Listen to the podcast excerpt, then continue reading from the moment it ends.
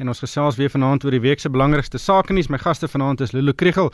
Sy is die hoof-ekonoom by PwC in Suid-Afrika. Goeienaand Lulu. Goeienaand Ryk. En uh, uit die Kaap gesels Dr. Steve Minnar, hy se portefeuljebestuurder by Abax Beleggings. Goeienaand Steve.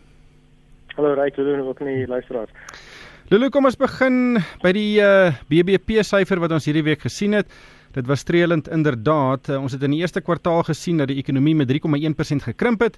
En wragtig, daar spring hy terug met 3,1% groei in die tweede kwartaal. Dit was ook heelwat vinniger as wat baie ekonome verwag het. Uh en dit was veral die mynbou en vervaardigingssektore wat goed gevaar het. Wat het jy gedink van hierdie ehm um, herlewing van die ekonomiese groeikoers in die tweede kwartaal? Ek dink die meeste van ons het ehm um, daarom verwag dat ons die groei gaan sien ehm um, die tweede kwartaal, maar soos jy sê, uh die gemiddelde verwagting was van die ekonome. Ek dink die mark het dit uh, 4% verwag. So die 3.1 was 'n baie aangename verrassing. En uh meeste sektore wat goed gedoen het, ongelukkig steeds landbou en dan ook die sektor en vervoer. Dat die drie sektore wat nie uh groei getoon het nie die bank verder positief nuus en veral uh die mynbousektor wat met 'n dink 14.4% um regtig verras het aan die positiewe kant. Maar ons moet in gedagte hou, soos jy sê, dit is van 'n basis af van na die eerste kwartaal se inkrimping van 3.1% en as jy mense vergelyk met die eerste kwartaal, ag die tweede kwartaal verlede jaar, is die ekonomie maar 0.9% groter as wat dit um uh, dieselfde tyd verlede jaar was. So Ehm um, ongelukkig nog nie die tipe groei wat ons wil sien nie, maar ten minste goeie nuus.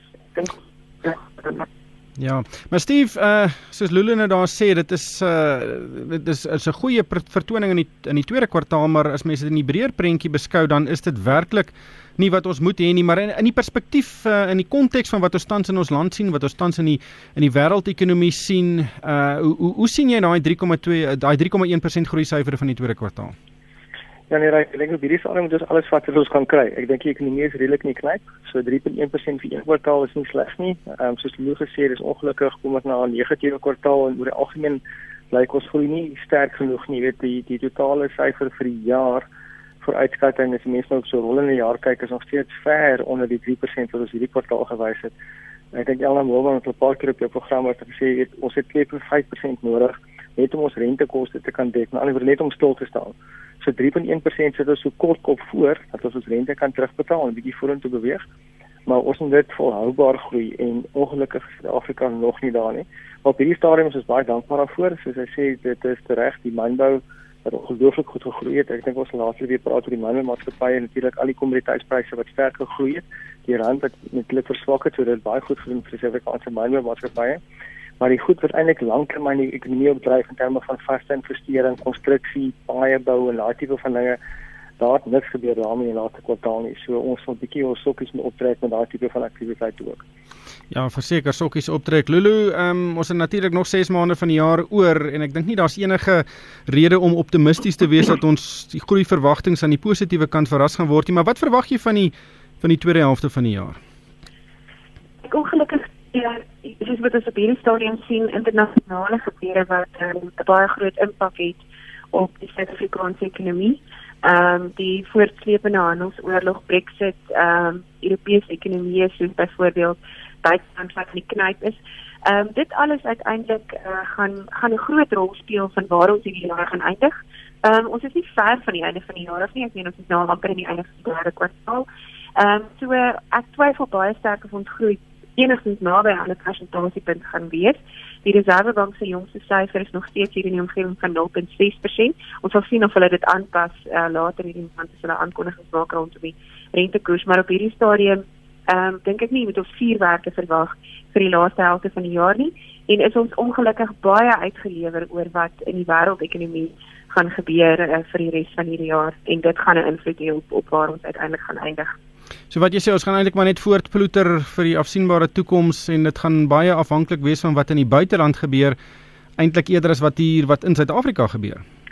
Dit wat in Suid-Afrika gebeur is belangrik, maar ek dink ons het soveel kansse verspeel en ons het eintlik 'n tydperk van goeie groei in die wêreldekonomie gemis en hier eintlik self droogte gemaak het as ek dit so kan stel. So ons het nie um, ons het nie baie ons het kapasiteit om enige buitenskokke op hierdie stadium te kan hanteer nie. Ons het nie plan gesien wat die minister van finansies kongres nuwe dinge, daar's dinge wat ons al het kyk oor staat, maar wat bekom is daar dat daar nog steeds as jy kyk wat in die ANC gebeur, uh Kusatu is daar nog steeds mense wat en en groot dele van ehm um, van die van die ehm um, basis wat wat hierdie planne moet ondersteun, wat dit nie ondersteun nie. So ek is bekommerd oor die uitvoerbaarheid van en of dit oor oor die portefeulje werklik verskil gemaak wat ons nodig het. So ons eie dinge is 'n probleem, maar dit gekombineer met dit wat in die wêreldekonomie gebeur, ehm um, maak maak vir 'n bietjie van moeilike tydjie wat ons steeds voor ons voorlê.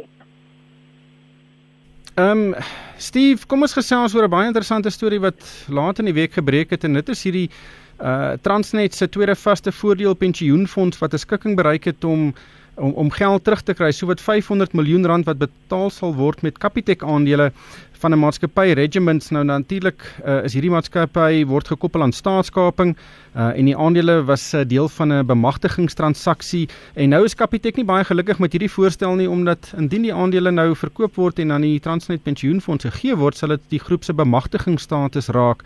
En uh, die hele storie is nou in die hof. Wat maak jy van hierdie hele storie? Ja, ek weet dit is ongelukkig nog wie een van hierdie spinrakke wat baie meer draaglik is wat nou ooit van ons rafel definitief nie op 'n Sondag aand nie. Maar ja, dit is ongelukkig soos ek hier so die verstaan Capitec wat 'n paar jaar gelede 'n bemagtigingstransaksie gedoen het. En deel van die verstandhouding daar was dat as van die bemagtigingsgroepe wel die aandele wil verkoop, moet hy van ander bemagtigingsgroepe verkoop sodat Capitec op 'n totale persentasie bemagtiging kan behou. En ongelukkig is een van die bemagtigingsgroepe seker via hoeveel veranderings en so aan is hulle op die ount by regiment geëindig. En dit dan besluit hulle gaan dit gebruik as 'n valuta om hierdie transaksie nou af te handel.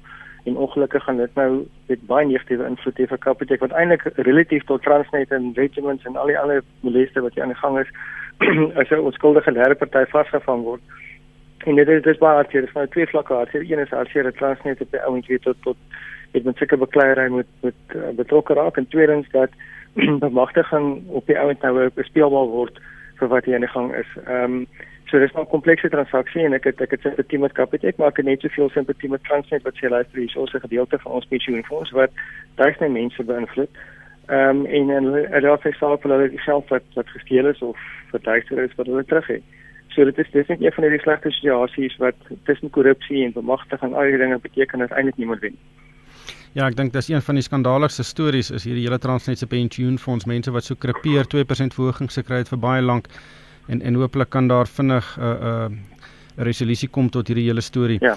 Lulu, ehm um, die Wêreldekonomiese Forum het hierdie week in Kaapstad vergader. Daar's natuurlik baie klomp vuurwerke en trompoppies in die strate en 'n gewyf van vla en almal is baie opgewonde oor die wêreldleiers kom. Daar's duisende van die wêreld se voorste sakemanne en politici wat daar uh saamtrek en dan filosofeer hulle oor die probleme van die wêreld en veral oor Afrika en dit het nou uh weet hierdie week gebeur. Ongelukkig het mense buitekant geprotesteer oor brood en botter kwessies soos onder meer geweld teen vroue en dan word hulle met geweld uitmekaar gejaag.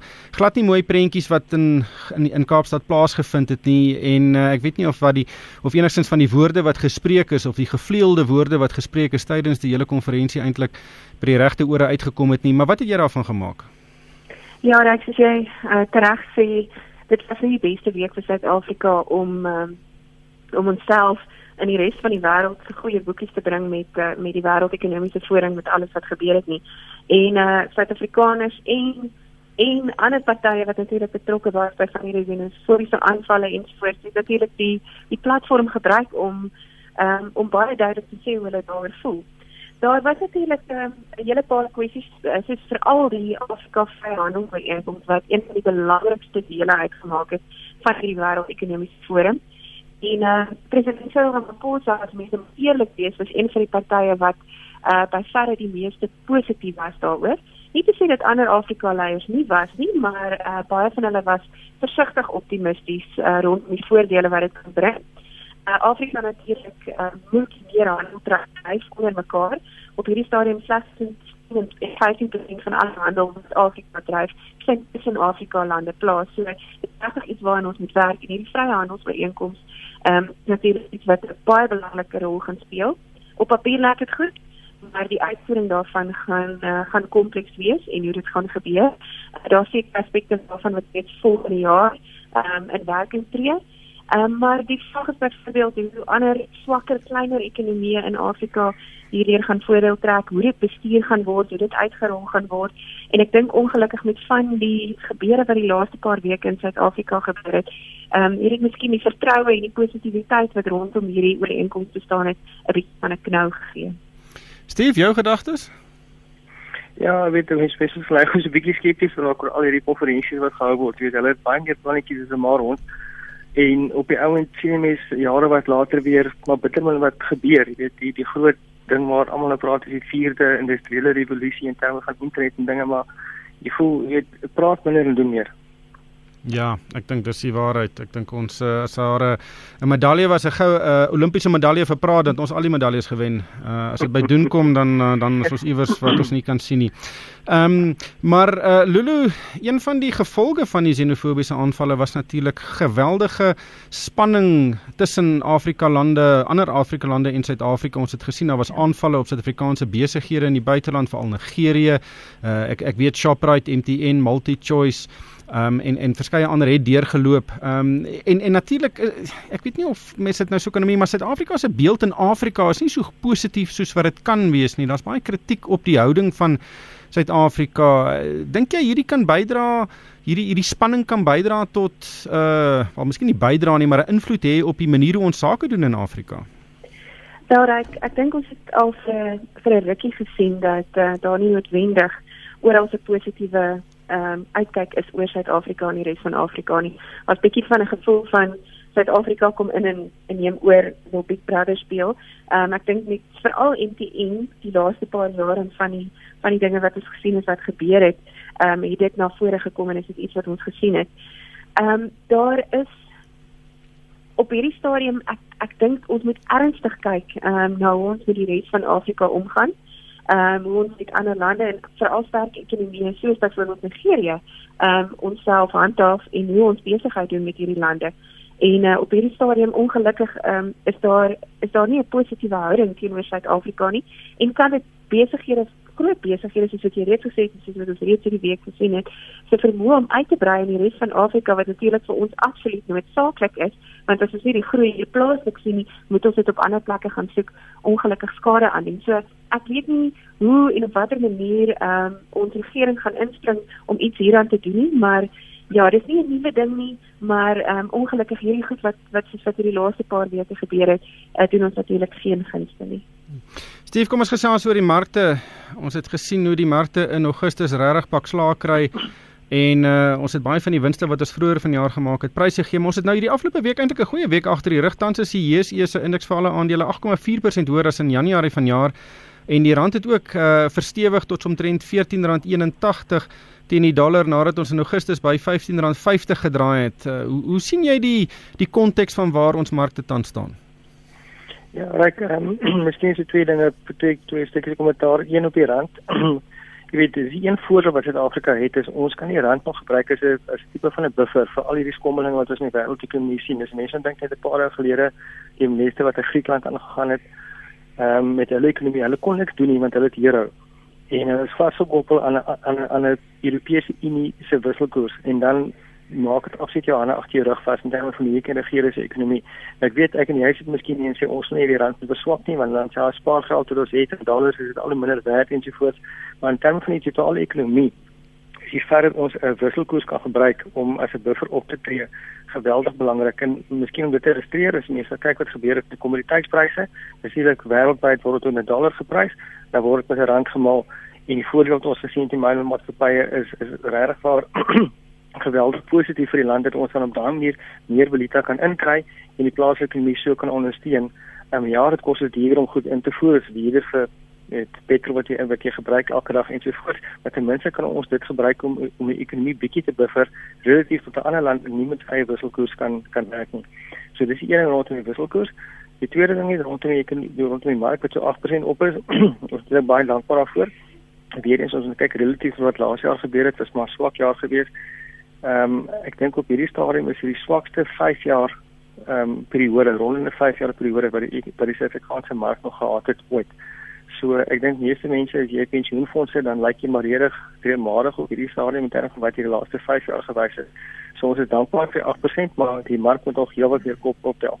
Natuurlik as die mense van Naspers uithaal, dan lyk die Suid-Afrikaanse ekonomie nog swakker. As jy mynboumaatskappye weghaal, dan is dit 'n totale slegte storie. Weer die mynbou het gegaan as gevolg van die dollar rand wisselkoers, kommoditeitspryse, Naspers het gedoen as gevolg van retentiebelegging in China. Die res van die mark ehm um, sukkel maar hierdie stadium. So ons hele ekonomiese groei het ons absoluut nodig. Ja, maar Steve, as jy nou dit in perspektief sien, ehm um, beteken die feit dat ons mark nou so swak vaar as mens nou Naspers en ander maatskappye met groot blootstelling in die buiteland uithaal, uh dat daar nou 'n groot geleentheid vir Suid-Afrika is of dat uh dit is 'n gevaar van iets wat gaan kom. Ehm um, hoe moet mens daarna kyk? Nee, dis moeilik een reik. Ek dink dit dan nog of jou glas half leeg of half vol is. Ehm um, as jy mens kyk die resultate van die afgelope 2 weke, die banke het eintlik relatief goed gedoen in Suid-Afrika. Die klein handelsmaatskappye, dit hang af of jy 'n voedselmaatskappy of 'n kleremaatskappy of 'n of 'n farmaseutiese maatskappy is. As jy as jy voedsel verkoop het, soos 'n Shoprite of 'n Pick n Pay, jy het teer maar gegaan as jy klere verkoop het, so bietjie beter en as jy nou 'n Clicks of 'n of 'n Dis-Chem was, het dit heelwat beter met gaan gaan. Ons ekonomie kom net nie in die gang nie. En die probleem is mense nog verder moet terugtrek, kom terug op werkskeping en dit trek dan die heeltemal terug na die xenofobiese aanvalle wat ons nou gesien het. As 30% van jou land nie werk het nie, begin mense oral se weet uh sien wie wie verantwoordelik vir foute en dit dit lei tot allerlei ander ongeruimthede. So ons moet die ekonomie net eenvoudig in gang kry, dat mense kan werk gee vir offering kan gee dat ons nie gaan kan kom. Jy weet, um, Alan Pullinger wat die vir die ehm um, uh hoof uitvoerende beampte van van ehm um, First Rand Groep is hierdie week het 'n baie baie goeie ehm um, ek ek ek sal al, almal aanmoedig om die YouTube te gaan kyk van hulle resultate wat aan die einde gepraat het oor die vooruitskatting vir First Rand Groep. Dit sê dit Afrika se punt ons kan nie verder hierdie as ek nou grof van Engels vertaal na Afrikaans, ons kan nie verder hierdie blikkie in die pad afskop nie. Ons moet nou so 'n paar harde besluite neem. Strukturele verandering doen in die Suid-Afrikaanse ekonomie en die werkskeping in gang kry dat ons hierdie ekonomie in die gang aan die gang kan kry want anders gaan ons gaan gaan dit net nie beter gaan. Ja, dinge moet gebeur. Ek dink die uh, vakansie wat die president het is besig om uh, stadig aan einde te se kant toe te staan. Dan moet nou dinge gebeur in die toekoms. Maar ongelukkig het die tyd ons ingehaal. Baie dankie aan Lulu Krugel, sy is die hoof-ekonoom by PwC in Suid-Afrika en ook uh, Dr. Steve Minnar, hy is die portefeuljebestuurder of 'n portefeuljebestuurder by Ibex Beleggings daar in die Kaap en van myself Ryk van die Kerk. Dankie vir die saamluister en ek koop almal 'n winsgewende week.